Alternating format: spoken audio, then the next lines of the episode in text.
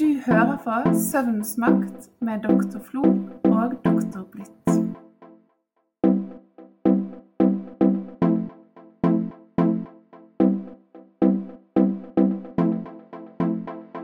Hei, Kjersti. Hei, Elisabeth. Så kjekt å se deg. Jo, takk det samme. Og dette er en episode jeg har gledet meg til, for dette er jo egentlig litt vår eh, hobby, Kjersti. Det skal handle om eh, søvn og demens. Og med oss så har vi da kjære Line Iden Berge. Hun er førsteamanuensis eh, ved Universitetet i Bergen, jobber på Cefas. Og i tillegg så er hun også lege på Olaviken alderspsykiatrisk sykehus.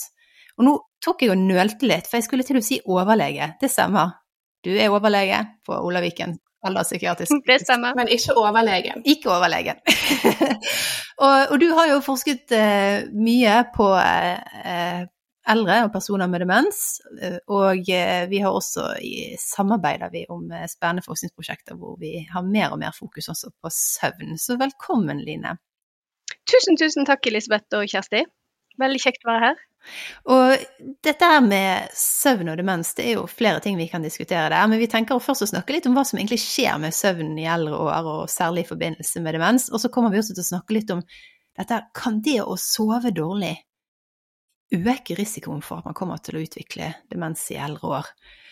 Og det tror jeg kanskje er en bekymring som, eh, som flere har. Ehm, jeg vet ikke, noen av dere, har dere bekymret dere når dere har sovet dårlig?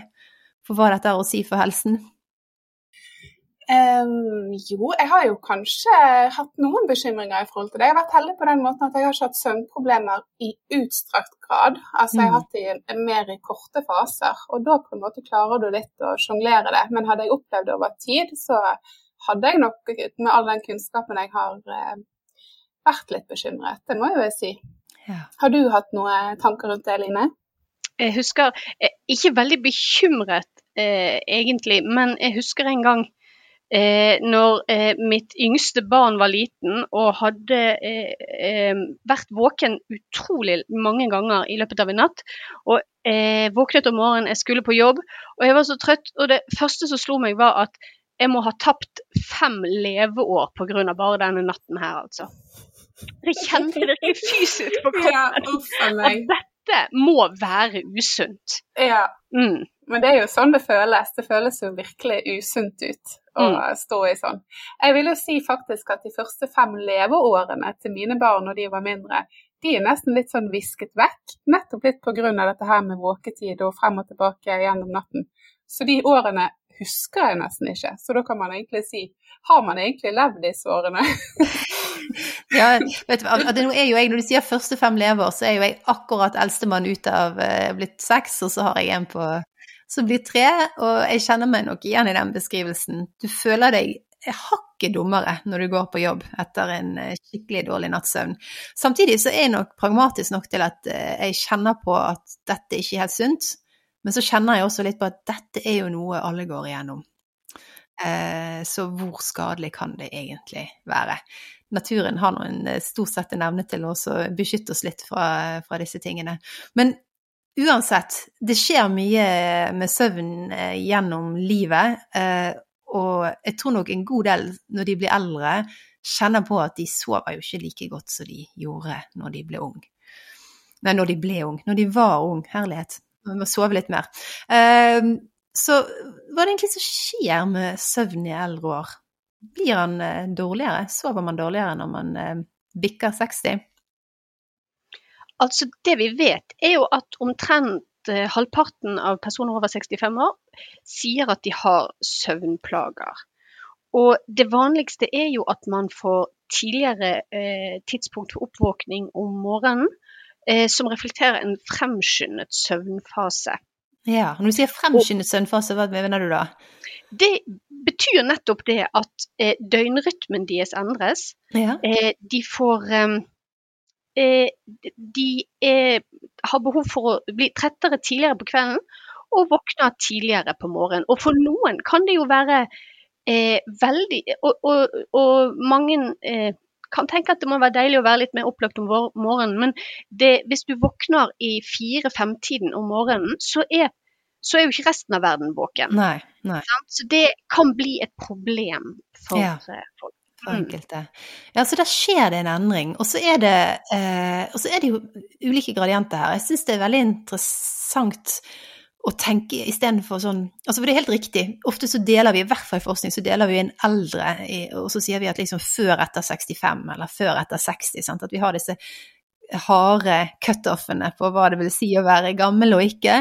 Um, men, men så er det jo litt dette med mer sånn livsløpsperspektiv. Der så ser vi jo egentlig at søvn er jo i endring gjennom hele livet. Det, det syns jeg også er litt sånn fint å tenke på. Så for de uh, som er over 60, så er det jo faktisk interessant at det var en større eh, metaanalyse som så på alle studier som hadde sett på søvn og søvnkvalitet gjennom livsløpet, og aggregerte disse dataene, og fant at de største endringene i søvn, de skjer faktisk før man fyller 60. Sånn at det er liksom denne hele Og det syns jeg er så viktig. Så, så det skal ikke på ingen måte bagatellisere det du nettopp sa, Line, om at det er faktisk over halvparten av eldre personer eh, sliter med søvn. Men det sier jo også noe om at hvis du holder deg frisk ellers, og ikke gjerne tar medikamenter som kan forstyrre søvnen, så er det ikke nødvendigvis sånn at det å gå inn i alderdommen representerer en sånn kjempekjip nedgang i eh, søvnkvalitet. Det er jo litt oppløftende, da, egentlig, å tenke på. Det er det virkelig. Jeg tenker det er kjempesentralt å ha med seg. Ja. Fordi at eh, alderdommen er jo assosiert med en rekke negative hendelser, særlig Mm. i forbindelse med tapt funksjonsevne eller Mm. redusert helse. Sant? Men hvis du holder deg noenlunde stabil, så er det litt godt å vite det at søvnen din blir ikke absolutt nødvendigvis dårligere. Nei. Og er det jo, men altså selvfølgelig, og det så er det jo da nyanser her, sant? for du sier 65 pluss, Line, og så tenker jeg liksom, hva med 80 pluss eller 90 pluss? Sant? Og da er det jo gjerne eh, dette, vi har jo snakket om det før, så denne dype restaurative søvnen, der kan det være litt dramatisk Mm. likevel, da. Og det er jo det reflekterer jo at denne eh, søvnarkitekturen, eller fordelingen av hvor mye tid man har i de ulike søvnstadiene, den endres over livet, og spesielt jo eldre man blir. Og vi deler jo, altså Eldre er definert som over 65 år, og så er det de eldste eldre som er over 80 år. Og det er jo da i den, særlig den eh, siste kategorien der de eh, har betydelig mindre dyp søvn. Og det er vel noe sånn som at over 90 år så mener man at man nesten det, er nesten fravær av den dype restaurative søvnen, ikke sant? Ja. ja. Altså i hvert fall, ja, hos, hos ganske mange så vil man kunne Mm. se frafall av det. Så det. Og det er jo litt dramatisk. For når vi sier altså restaurativ, det er jo et flott ord for egentlig bare at man våkner opp og føler at man har fått restituert seg og, og At er du ikke har tapt fem leveår. Mm. At vi ikke har tapt fem leveår, nettopp. Eh, ja, så dette er en sånn blandet eh, beskjed her, da. At ja, du sover nok dårligere med alderen, men det trenger ikke å være helt krise. Det skjer endringer i søvn gjennom hele livet. Og allerede vi som er midt i livet, vil nok definitivt kjenne på at vi sover ikke som vi gjorde når vi var 20. En del av den eh, ja. dype søvnen er jo allerede redusert ved midten av 40-årene, eh, faktisk. Sånn at det skjer jo endringer gradvis, og gjerne da på en måte som gjør at vi ikke attribuerer øvrige endringer til tap av dyp søvn. At vi Mm. prøver å sette det inn i en annen sammenheng. For det er jo ja, Ja, det er jo, det er jo egentlig to eh, Vi snakker jo egentlig her nå om to årsaker, to hovedlinjer og årsaker til at man sover, eh, eller at man kan oppleve disse eh, søvnplagene når man blir eldre. Og Det ene er jo dette med den døgnrytmen som vi snakker om, sant? med at, eh, med at eh, eh, mengden dyp søvn, eller tiden i dyp søvn, endrer seg over livsløpet, også fra 40 til 80 år. Men, i, men som, den andre linjen av årsaker dreier seg om dette om sykdommer. Og det er jo ikke til å stikke under en stol at jo eldre man blir, jo større er sjansen for at man har sykdommer i kroppen som gjør at man sover dårlig. ikke sant? Og det ser jo jeg mye av når jeg jobber som eh, lege for disse pasientene. sant? Det er dette her med eh, f.eks. obstruktiv søvnapnø, som betyr at man eh, har eh, eh, obstruksjon, altså man får eh, for tette luftveier, får for lite luft inn og det med, i lungene når man sover, og det medfører pustestopp. Og da kan man jo, Det kan man jo behandle med f.eks. sånn eh, eh, maske med kontinuerlig luftveistrykk. ikke sant? Eh, så søvnapné er vanlig. Det er vanlig med rastløse bein hos eldre eh, under søvn eller sånne periodevise beinbevegelser. Og så er det jo eh, to av, i, i, alle fall to av demenssykdommene våre eh, er også hyppig karakterisert ved det som heter sånn rem-søvnforstyrrelser. Eh, altså at man har eh, eh, det, det, er eh, for dårlig av den ene eh, søvnstadiet vi, er, vi trenger, mm. den rapid eye movement-søvnen, det det er eh, der, der, er det særlig personer som har eh, levi-body-demens og Parkinson-demens, de er rammet av det. Og det, kan, det påvirker jo, og det gjør at man gjerne kan våkne i en veldig, veldig livaktiv drøm og, ha, eh, og, og, og, være usikker på om man er i våken eller, søvnig, eller faktisk sover. Så det kan være også veldig skremmende. Ja, det er dramatisk for eh, både de og for gjerne sengepartnere òg. For et, ja. en vesentlig kjennetegn nettopp er jo at den eh, vanlige muskelatonien, altså at musklene er nærmest paralysert som man har under rem-søvn, frafaller. Sant? Så da kan man se Jeg har sett videoer, hvis, hvis, folk er interessert, så kan de gå på YouTube og google rem og eh, sleep disorder. Eh, og da ser man folk som gjerne reiser seg opp i sengen og slår vilt om seg, eh, nettopp fordi at plutselig har de da altså bevegelige, eh, mobile lemmer eh, under drømmesøvn. sant? Veldig dramatisk. Og der er det jo, Men nå er vi jo midt inne i, eh, i demens. For nå har vi jo snakket litt om, om generelt i eldre år skjer det jo endringer. Men så er jo det da særlig gjerne for personer med demens at man ser mer dramatiske endringer i, i, søvn, sånn som du beskriver, Line. Og da er jeg litt sånn nysgjerrig, for vi har ikke snakket så veldig mye om Du jobber jo som forsker, men så er du også kliniker. Og da er du altså eh, eh i hverdagen din da som eh, overlege, så møter jo du da personer med demens eh, på Olaviken. Og forklar litt, gjerne kanskje hva, hva er egentlig demens, og, og hvordan ser jobbhverdagen din ut der?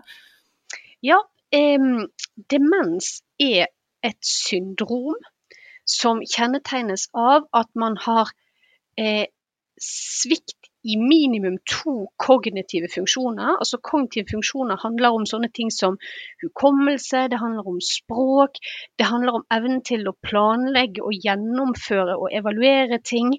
Det handler om eh, eh, mentalt tempo. Så der må man ha svikt i, disse funksjonene. Det måler vi med tester. Eh, men det er ikke nok. Ha, denne svikten må være eh, så uttalt at det påvirker funksjonsnivået ditt. Sånn at du f.eks. har eh, Sånn som ved Alzheimers sykdom og Alzheimer demens, så har man typisk hukommelsessvikt. Og det gjør at det blir vanskelig å leve sånn som man har pleid å gjøre. Ja. Og så må det være en eh, dette, og så er det sånne tilleggskriterier at man også skal ha en endring av eh, personlighet, initiativ eh, og, og, og, sånne eh, personlighetssymptomer. Og så skal det være en varighet på minimum seks måneder, og så skal vi være trygge på at disse forandringene ikke skyldes noe annet. Mm. Eller forbigående. Mm. Mm. Som depresjon, f.eks. Som mm. depresjon er det mm. kjempe vanlige og vanskeligste eh, måten å ekskludere. Fordi at det å utvikle demens, det øker risikoen for at man har får en depresjon, eller i alle fall ganske uttalte depressive symptomer. Eh, og så er det jo òg eh, sånn at det å, være, å ha en depresjon gjør at man kan få hukommelsesvansker og eh, svikt i annen kognitiv fungering, og ikke minst et funksjonsfall. Så ofte er det det er den eh, vanligste og vanskeligste eh, differensialdiagnostiske vurderingen vi gjør. Fordi at du vil ikke gi noen og, og, Men sånn som vi håndterer det i praksis, der behandler vi de, gir vi de eh, god antidepressiv behandling. Og så følger vi de videre. Og så ser vi om eh, når de depressive symptomene letter, om den kognitive funksjonen bedres eller ikke. Så da må, vi, da må vi følge de over tid for å kunne si noe om dette. altså. Og det er en typisk jobb jeg gjør på Ja, sykehus. det er kjempespennende, Line. Men hva er på en måte forekomsten av eh, demens? In, Ja, den er jo eh, økende. Og det er jo noen som eh, mener at eh, vi har to kriser i samfunnet. Det ene er klimakrisen, og det andre er eldrebølgen. Og at, vi, at forekomsten av demens vil mer enn dobles over de neste 30 årene i Norge. Så i Norge i dag er det 101 000 personer med demens. Det er de offisielle tallene fra, fra denne her helseundersøkelsen i Nord-Trøndelag. Og Der er estimatene at det vil være opp mot eh, 236 000 personer med demens om 20 år. Eh, og, og dette vil øke eksponentielt utover. Så, og, og eh, situasjonen på verdensbasis er akkurat likedan. Jeg tror WHO sine siste tall er 57 millioner mennesker med demens i verden. Mm. Så dette er eh, Det er omfattende. Ja. Og det er jo omfattende både økonomisk og eh, jo både økonomisk og si, mellommenneskelig, og tenke med sånn folkehelseperspektiv. Uh, og, og så er det jo da, eh, med demens, så er det jo da, vi snakker om hukommelse, men så er jo det ikke nødvendigvis bare de symptomene man opplever når man får demens, sant? Eh, og gjerne en del andre symptomer, sånn som eh, atferdssymptomer, Mm. agitasjon, uro, eh, kan være vel så plagsomt. Og jeg har sett noen studier som annet viser at nettopp det at man sover dårlig, kan være for pårørende, f.eks.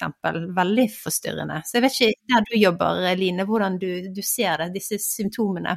Og, og det stemmer jo selvfølgelig med min opplevelse av, av, den, eh, av den kliniske virkeligheten. Men det er jo fordi at de pasientene som kommer til oss i alderspsykiatrien, de er jo der fordi de har Stort sett fordi de har psykiatriske tilleggssymptomer som de trenger hjelp til fra oss med. Men der er, er studier som har vi, som, eh, Når jeg underviser for studenter, så pleier jeg å referere til studier som sier at eh, det er ikke den kognitive svikten i seg selv som er eh, som pårørende angir å være mest belastende, eh, det er disse nevropsykiatriske symptomene. Det er de som skaper den største belastningen for de som er tettest på eh, personer med demens. Mm. Og hva mener vi med nevropsykiatriske symptomer, Ja. Line? Det, er, det er jo da eh, symptomer som har sin årsak i eh, demenssykdommen. Og det er de vanligste symptomene. Det er apati, og det er depressive symptomer. Eh, og så er det også eh, psykotiske symptomer. Da mener vi hallusinasjoner. Altså det at man ser eller hører eller føler eller smaker noe som eh, uten noe sansestimulering. Eh, typisk at man, man ser folk inne hos seg som ikke er der. Eh, man kan se dyr. Eh, eller så kan man ha vrangforestillinger som er gale oppfatninger. Og da kan det en typisk vrangforestilling hos en person med demens, det må være Det er typisk at eh, eh, noen, eh, noen stjeler noen stjeler noe ubetydelig noe av ubetydelig verdi hjemme hos de. Mm. For eksempel, noen har tatt eh, sokkene mine, noen har stjålet favorittkoppen min. Og eh, vi tenker jo at det ofte er forklaringer den som er syk, lager seg på at den faktisk har glemt hvor, hvor tingene er. Pga. hukommelsessvikten, ikke sant. Ja. Og så er jo søvn inne, da, som som søvn, ser på, søvn, på, eh, på det. Viktig Ja. symptom Mm, også. mm.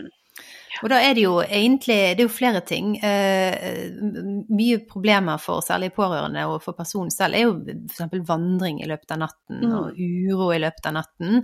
Eh, og, og jeg tenker um, Igjen så kommer vi inn på dette med døgnrytme, sant. For det er jo ganske unikt hva som kan skje med, med døgnrytmen hos personer med demens. Vil du forklare litt mer hva, hvordan det ser ut hos en person med demens, Line? Hvordan er døgnrytmen?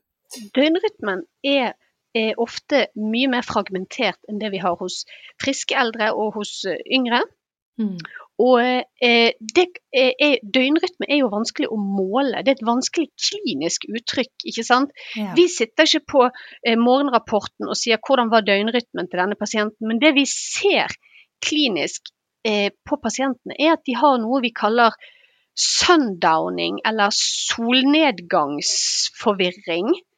Eh, i, og det er det at disse nevropsykiatriske symptomene blir mer uttalt på kveld og natt. Um, og da kan man f.eks. se at en, en person som er, er, klar og rolig på morgen og formiddag, blir forvirret, eh, rastløs, kanskje til og med agitert på ettermiddag kveld. Og der eh, har jo meg og deg, Elisabeth, der har vi jo eh, et stort prosjekt på gang der vi skal faktisk ja. undersøke dette. Om vi kan gjøre noe for å eh, endre på døgnrytmen, og dermed redusere dette symptomtrykket på kveld og natt. Og hvordan vil dere gjøre det? Det, det syns jeg hadde vært flott, hvis dere ja, kan forklare litt. Da skal vi eh, bruke en bestemt type kronoterapeutisk behandling, altså der vi manipulerer på eh, bølg, bølgelengdesammensetningen av lyset på kveld og natt. Vi skal ta bort de blågrønne bølgelengdene. Og da får man et oransje lys. Og det skal vi gi disse pasientene på kveld og natt. De som er innlagt på Olaviken sykehus og har mye agitasjon. Og så skal vi gjøre en eh, klassisk randomisert kontrollert studie og se om det kan dempe agitasjon og andre nevropsykiatriske symptomer hos pasientene våre. Og Det er viktig, fordi at den behandlingen vi har i dag, det er enten miljøterapi, det er effektivt, men det er veldig kostbart. Og alle disse 101 pasientene med demens, de kan ikke være innlagt i spesialisthelsetjenesten eh, eller i sykehjem for den saks skyld. Eh, for å få denne behandlingen. Og så har vi eh, psykofarmaka, og spesielt antipsykotika, bruker vi til å behandle agitasjon ved demens. Og det er, eh, har moderat effekt. Det, har, det, er få medikamenter som har denne indikasjonen, og det kommer med eh, potensielt veldig alvorlige bivirkninger, sånn som f.eks. Eh, økt risiko for eh, hjerneslag, hjerneblødning, økt risiko for fall og for død. Og de, i, i, år har jo NRK hatt sterkt fokus på eh, at disse pasientene også får en sånn eh, spesiell bivirkning som heter dystoni, nemlig at man får eh, eh blir skeiv i kroppen, eller det handler om at eh, det er muskelkontraksjon eller sammentrekninger som ikke skulle vært der. Og vi har sett forferdelig triste bilder av eh, pasienter som har fått denne eh, behandlingen med antipsykotika og blitt skeiv i nakke og rygg. Ja. Og det derfor trenger vi nye behandlingsformer, ja. rett og slett. Dette er, jo, mm. dette er jo så spennende. For det, for det, første er jo det så meningsfullt. For jeg tenker at hvis vi kan hjelpe denne gruppen uten medikamenter til å oppleve mindre uro, forvirring, agitasjon, så er det jo Altså alle vinner på det, tenker jeg. Sant? Så det er jo så flott. Og så er det så spennende, for vi har jo Altså Det høres jo litt sånn rart ut, altså oransje lys, hvordan i verden kan det ha så stor effekt? Men så har vi jo allerede ganske overbevisende resultater fra psykiatrien, hvor vi ser på personer med, med mani eh, og, og, maniske episoder. Og der er det jo en, en god kollega av oss som holder til i Valen, eh, som har sett da på, på, bruk av sånn oransje lys for eh, personer som er i en manisk eh, episode. Eh, kan jo name-droppe òg, det er jo Tone Henriksen som har gjort disse studiene. Og det var vel litt av inspirasjonen din nå, Line? Det var jo min inspirasjon, og jeg, eh, og jeg, eh, jeg, sendte, jeg sendte, mail til Tone, en formell mail. Jeg kjente henne litt, og så spurte jeg du, hva tror du om kanskje, tror du kanskje muligens vi kunne prøvd denne mørkebehandlingen på eh, mine eh, pasienter med agitasjon og demens? Og kjenner du til noe litteratur om dette? Og så eh, fikk jeg svar med en gang. Kan vi ringes etter klokken to i dag? Ja. Det var liksom sånn dette, dette må vi bare få til. Og nå får vi det til. Mm. Ja, det er veldig, ja. veldig flott. Hun er jo en uh, viktig samarbeidspartner for ja, eh, studien vår. Mm. Absolutt. Og så ser vi jo da, altså eh, nå, nå, er det jo også Vi har jo også gjort tidligere studier i, i, sykehjem hvor vi har brukt lys tidligere på dagen. For da er jo det liksom veldig viktig å understreke at uh, både lys og mørke har sin misjon i behandling av søvn og døgnrytme, uh, og at kanskje det aller viktigste her er ikke nødvendigvis en av delene, men en kombinasjon som gjør at man får den riktige kontrasten mellom dagslys og mørke og timingen. Og timing, ikke minst, sånn, mm. som blir viktig. Så her har vi jo da eh, Og så viser jo da, jeg tenker jeg, at det er liksom ikke sånn at dette handler bare om søvn og døgnrytme, men det er en helhetspakke der også psykologiske symptomer som depresjon og agitasjon eh, samspillet da, med, med, døgnrytme og søvn. Så det er, det er, mye interessant vi kan spille på der. Og så er det jo også sånn, da, at eh, dette er jo da en gruppe som allerede har gjerne hatt eh, demens i mange år. Eh, men det er også en stor del av eh, gjerne lytterne som ikke har demens, men som kanskje har opplevd å sove dårlig, og som også er mer nysgjerrig på kan dette være farlig? Eh, og da er jo den første tingen som ikke vi har diskutert, det er jo for gjerne de eh, eldre 50-60 pluss, altså nå sier ikke jeg nødvendigvis at de er eldre eller gamle, men de som da er i den alderskategorien, eh, så har jo det vært lenge en, en, greie man skal si ja ja, men det er ikke så farlig, for eldre trenger mindre søvn. Hva tenker dere om det utsagnet der? Jeg tenker vel strengt tatt at det er det vel en god del støtte for at det ikke er tilfellet, at man mm. trenger mindre søvn. Eh, det har jo vært omdiskutert, men det knytter jo seg litt til at man gjerne sover litt mer fordelt utover døgnet. Altså at man har redusert evne til å ha sammenhengende søvn. Ja. Og så var det litt det som Line også var inne på innledningsvis, sant? med fremskyndet søvnfasesyndrom, som er mer mm. vanlig i den populasjonen, men det betyr jo at søvnfasen er der, og du kan jo strengt tatt forflytte den til et mer hensiktsmessig tidspunkt ja. ved hjelp av lysbehandling. Ja. Men det er, det er, jo ikke sånn at vi trenger mindre søvn, Nei. det er det ikke. Men vi får mindre dyp søvn, som vi snakket ja. om, mm. og redusert evne til å sove sammenhengende. Ja, mm. og da er det jo eh, gjerne likevel sånn at jeg tenker at uh, når vi beveger oss inn på denne diskusjonen om søvn og risiko, så, så er vel da um, regel at søvnproblemer tar vi på alvor uansett alder, egentlig. Samtidig så har jeg ikke lyst til å skremme livet av uh, folk, sånn at uh, du som da sitter hjemme og har sovet dårlig og tenker kommer jeg til å utvikle demens, Eh, så vil vi jo bare være veldig tydelige på at det er mer komplisert enn som så. Det er mange ting som kan spille inn på hvorvidt du utvikler demens eller ikke. Men det er jo selvfølgelig interessant å, å se på, da. Altså kan søvnproblemer over tid øke risikoen for demens? Og er juryen ute fortsatt, eller vi, begynner vi å nærme oss et svar på dette her? Altså Svaret er vel at det er eh, komplekst, og at det ja. kommer litt an på når i livsløpet man har mm. disse søvnvanskene. ikke sant? Mm. Um, det er f.eks. en ny studie fra eh, 2023 fra dette her eh, miljøet som er rundt helseundersøkelsen i Nord-Trøndelag. De har undersøkt eh, over 7000 pasienter som var over 70 år, og spurt de om de om hvordan de sover, om de har det vi kaller insomni. Og så har de koblet dem, eh, og så har de fulgt disse pasientene, eh, deltakerne i undersøkelsene videre, og eh, undersøkt hvor mange som utvikler demens etter eh, ganske lang oppfølgingstid, 11 år. ikke sant? Og da, eh, når man undersøkte de personer over 70 år, så fant man at det var ingen sammenheng mellom det å ha insomni og risiko for demens eller kognitiv svikt seinere. Ja. Så det tyder, eh, og, dette er, er, er, gode data, og det er gode miljøer som gjør disse analysene. Sånn at eh, dette tenker jeg er, er god dokumentasjon på at søvnvansker seint i livet ikke er årsaken til demens. Men så er det andre studier som har undersøkt yngre mennesker, f.eks. i 50-årene, og sett på eh, risiko for å utvikle søvn. Da tar det jo selvfølgelig lengre tid før noen i 50-årene, før en gruppe personer i 50-årene utvikler demens. ikke sant? Så det her har de hatt opptil 19 års oppfølgingstid i Sverige.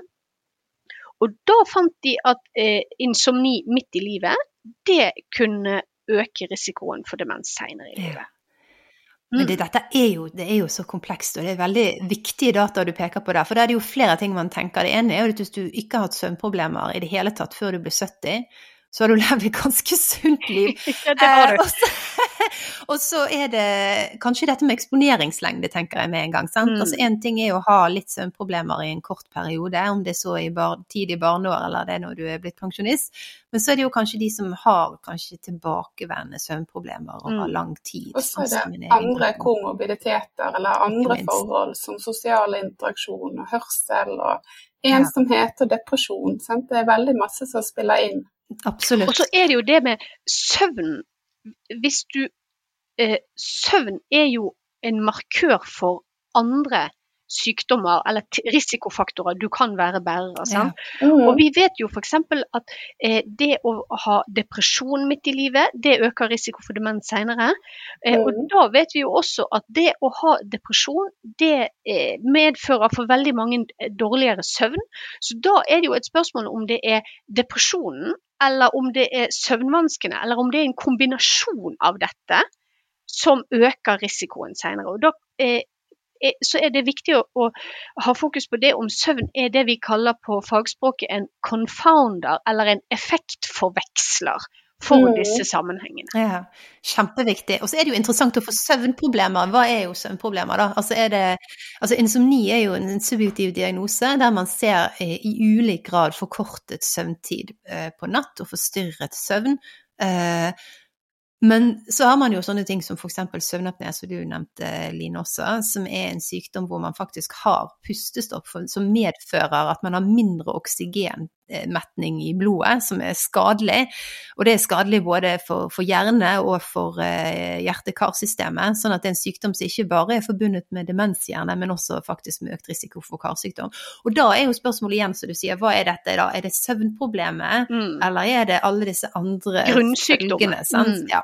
Så, så det, det, det, blir komplisert. Og det er nok derfor også, for jeg har jo fulgt med de senere år på nettopp dette med hvilke risikofaktorer som kan modifiseres, altså så vi kan gjøre noe med, er forbundet med, med demens. Da. Og da har jo det um, kommet ut jevnlig en sånn uh, Lancet Commission som har kommet da med, med hvilke risikofaktorer kan vi gjøre noe med.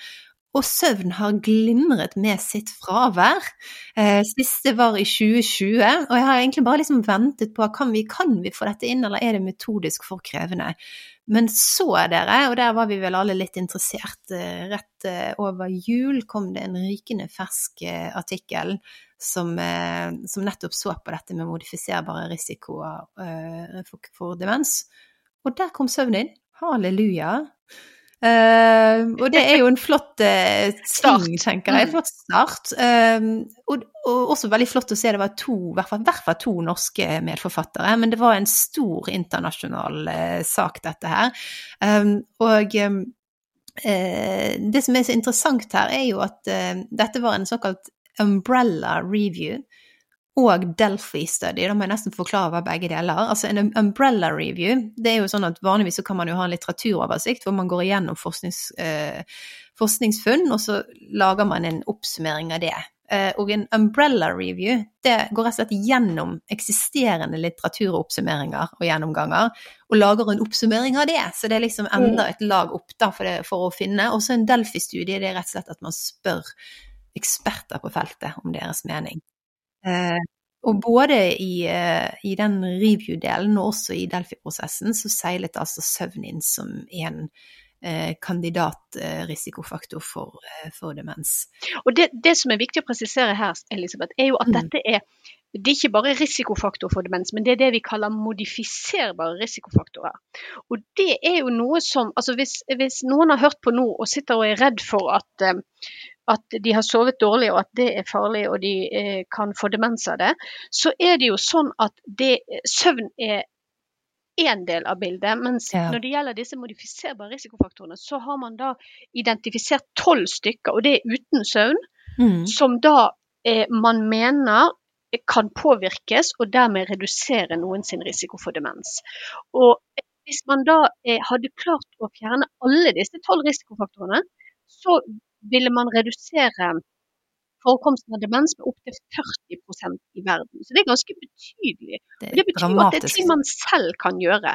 Og da dreier det seg om sånne ting som eh, utdannelse i, i, barne- og ungdomsårene. Og så er det veldig viktig at man forebygger hørselstap, ja. eh, hjerneskade eh, og, og, sånne ting som høyt blodtrykk, overvekt, diabetes, og så er det selvfølgelig ikke bra å røyke eller drikke eller være deprimert. Så det er mye livsstilsendringer man selv kan gjøre. Ja. Selv om søvnen er dårlig.